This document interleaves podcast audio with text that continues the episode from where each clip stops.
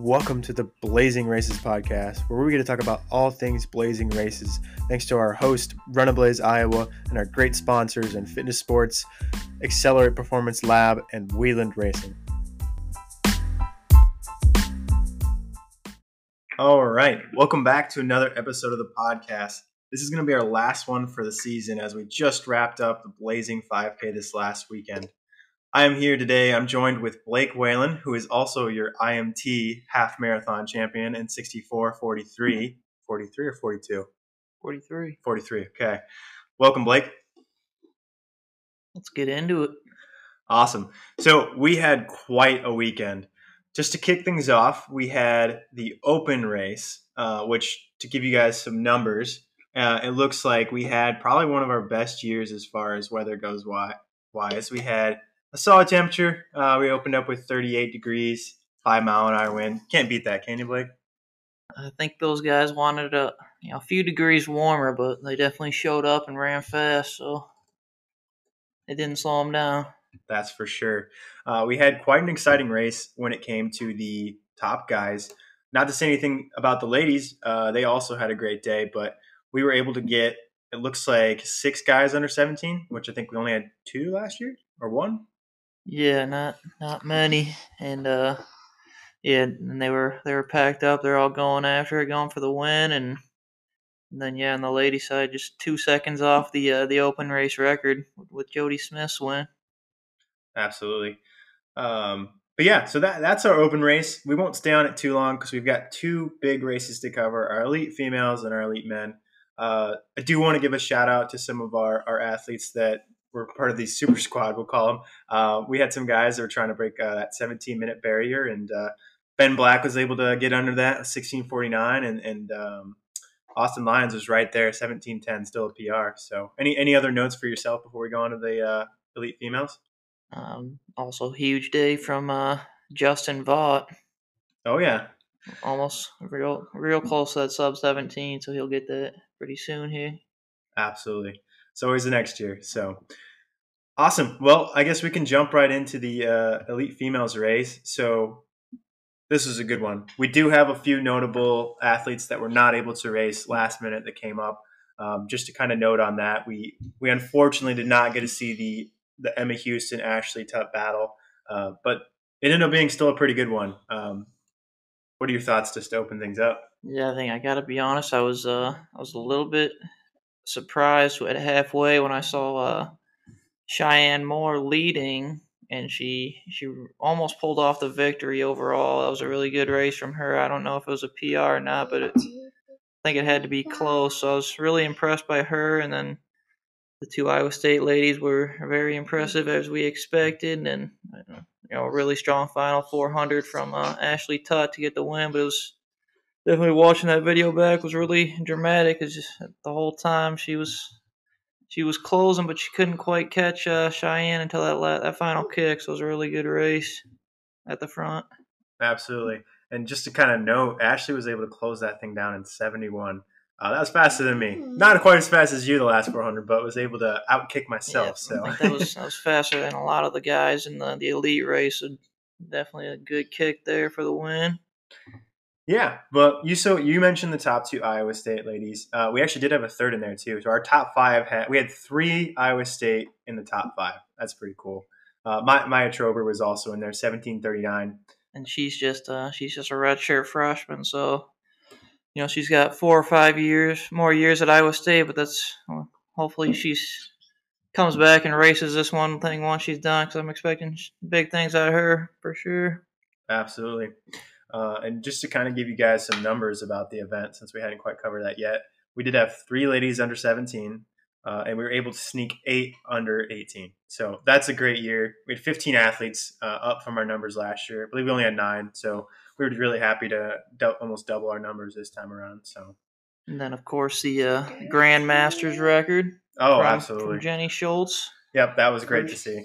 1943 uh, chops about 40 seconds off the old record. The old record was 2020. So, um, you know, she was able to get that. I knew that was one of her goals. Uh, we did have Jessica Haruska come very close, couldn't quite close down that last mile. Was able to come within uh, 20 seconds or so, something to the to the the Masters record set by Jenny. So that was cool. Uh, we had a few Run Blaze athletes in there, which you know both of us are Run Blaze athletes, so we want to give them uh, a little bit of love.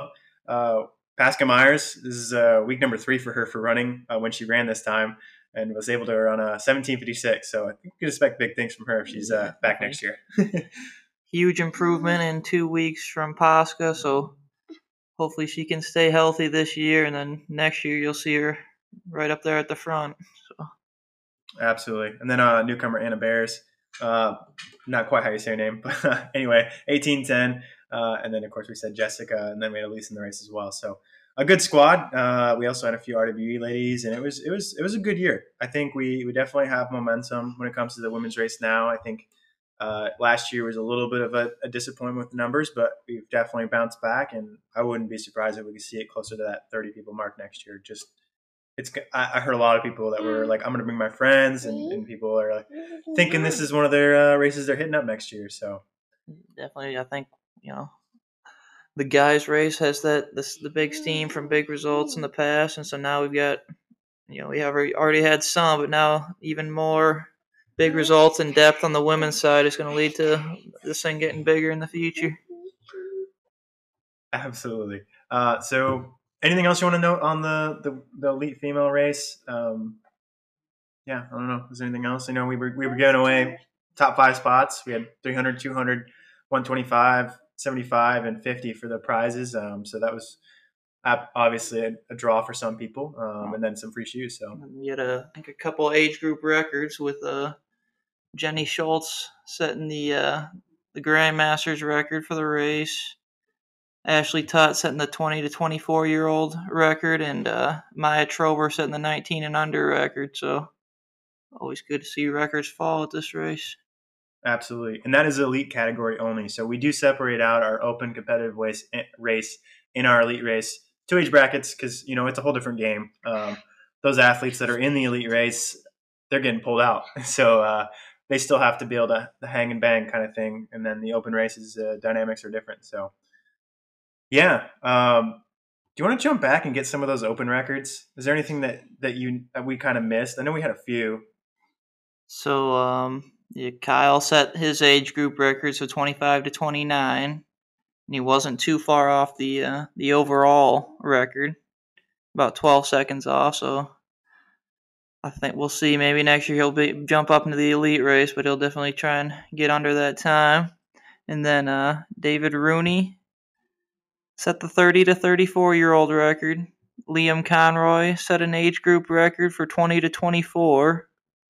And Ryan Chapman, who's uh, leading the Wartburg Knights right now, he set the uh, 40 to 4 year 40, 40 to 44 year old record. So you know, he's showing leading by example to his athletes still out there running fast. So that's that'd be the uh, the Masters record for the Open division, and uh, yeah, that's it. Yeah, for, yeah. For records on the guy side. Do we have any on the ladies side? We sure do. I think we got three three records. Uh, we were looking at Kelly Boddicker. Um, she set the 30 to 34. And as we mentioned, Jody Smith, she set the 40 to 44. Uh, and then 50 to 54. Uh, Christine Canito, she was able to run 22 28. That's pretty good. So, yeah, uh, I think that covers uh, going back to the open race, and I think we're good with the female elite race. Mm-hmm. Awesome. Okay, let's jump right in.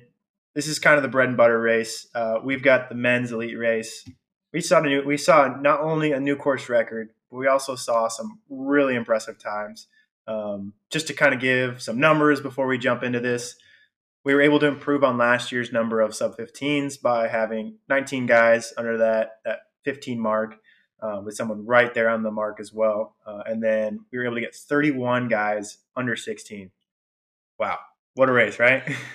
Yeah, so it started off right away with Cody taking out the pace and uh, Edwin going right with it. And, you know, this was kind of a rust buster for Edwin. And when you saw him run, it's kind of like, you know, that's scary that that's a rust buster. yeah, so absolutely. He just blew the field away.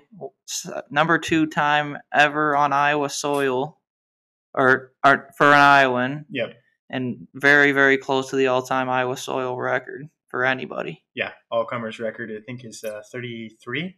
a 37, I believe. 37, okay. 36 maybe. around that mark. Either way, he's close. And I mean, thirteen forty seven. That's our first sub fourteen uh, on the race, so we were we were stoked about that. Yeah, and he had he had to do it with the last two all by himself, and he didn't miss a beat. As soon as the pacer took off, stepped off, he actually picked it up. He did. Do you know why though? He was being chased. Uh, He was. He we was. we did have uh, so we have that halfway point challenge, um, or back loop challenge rather, and uh, Luke Skinner. uh, We knew was going for that halfway point challenge.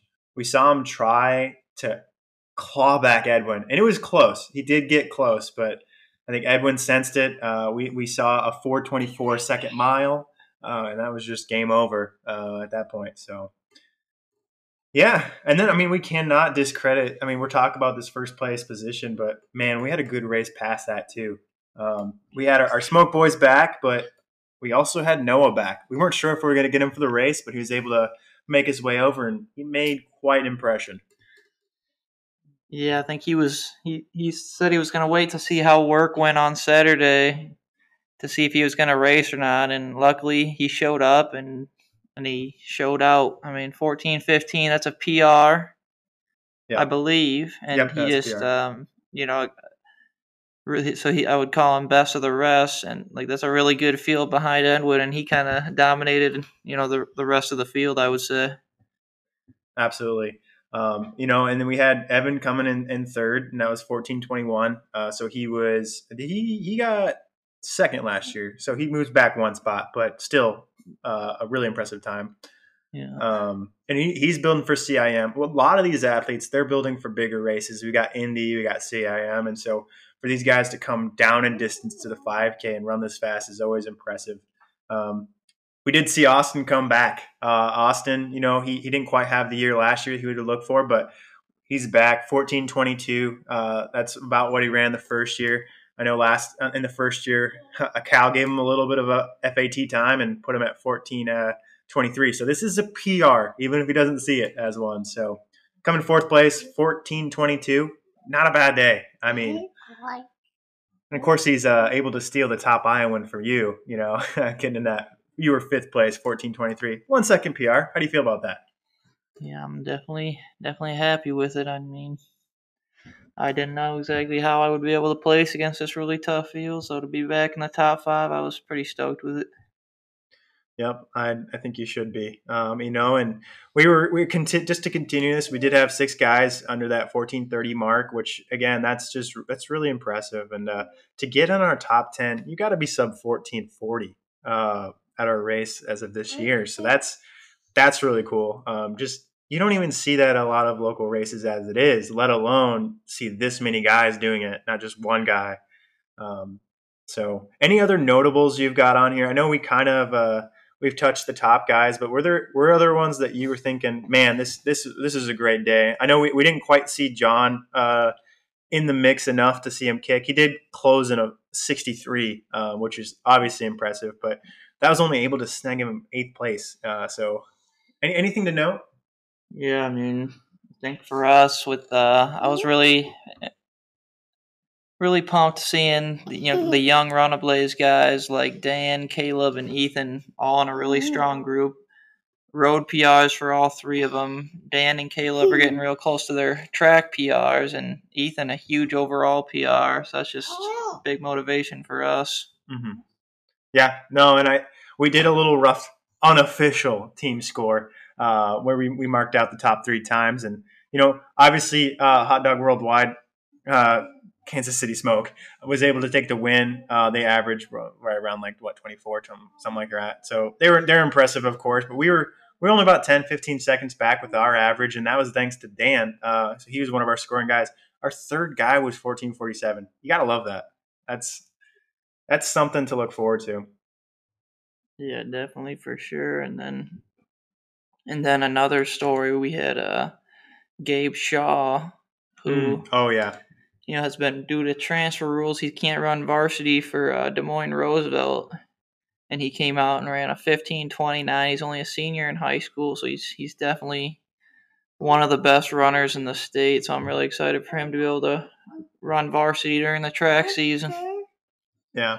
No, that's. I mean, it sucks he's not able to race, you know, in varsity, but we're always willing to give opportunities. Um, we've actually seen this Roosevelt squad. Uh, our inaugural year, we had a huge squad because they were not able to race um, due to some COVID rules and stuff like that. And so, always looking to support them. Uh, we know we we like we said about the, uh, the elite females. We also brought on some red shirt uh, and GAs and stuff like that. So we're, we're always willing to be that race. If you need to get going fast and you don't have the opportunities, I think we're a good spot to go. You know, there's going to be fast people. So, yeah, I think hopefully when you know other people hear about like red shirts or ineligible athletes racing this one, then that that aspect of it will grow and we'll get even faster people through that.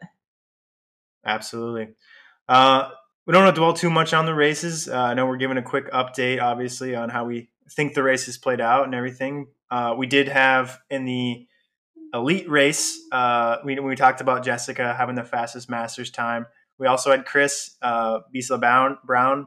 Uh, he, he ran 1625, kind of got shot out the back, but he finished the race and was able to snag himself 100 bucks. We've got 100 bucks to both Masters races this year, and we appreciate having them on there, and we appreciate him uh, hanging in there. It's not easy to be in a race that is going out at 430 pace and hanging on. So kudos to him for sure. Uh, and then uh, obviously kudos to the other two masters in the elite women's race. And yeah, I think, I think we've, we've covered quite a bit of it. Um, you can obviously check out a lot more stats on the Instagram page and then also on the race website. We keep a pretty detailed stat book. Uh, we're talking You've got everyone who we had 14 participants that have been here all three years. Uh, we've got the you know the sub 14, or I guess now it's a sub 14 club, sub 14 30 club, and we, we keep record of all those and, and the top 20 times as well, which we saw.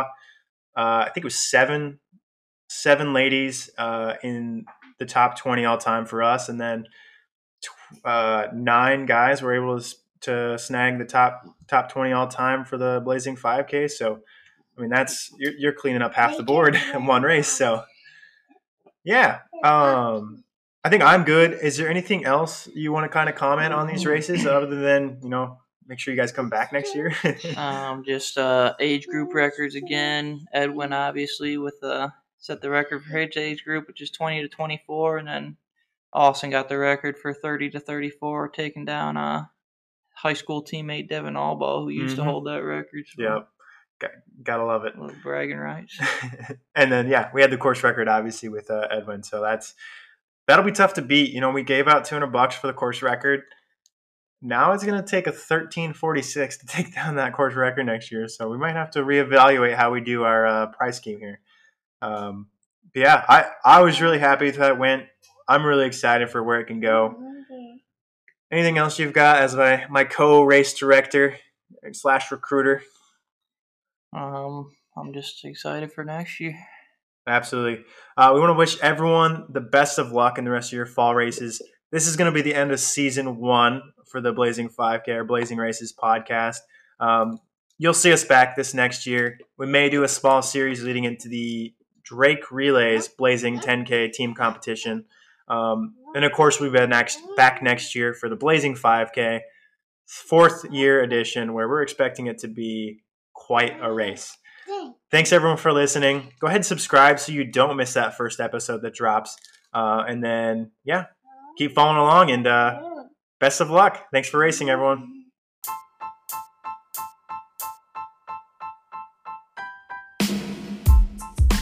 Now, if you like this episode, go ahead and subscribe, share with your friends, and we'll see you out there.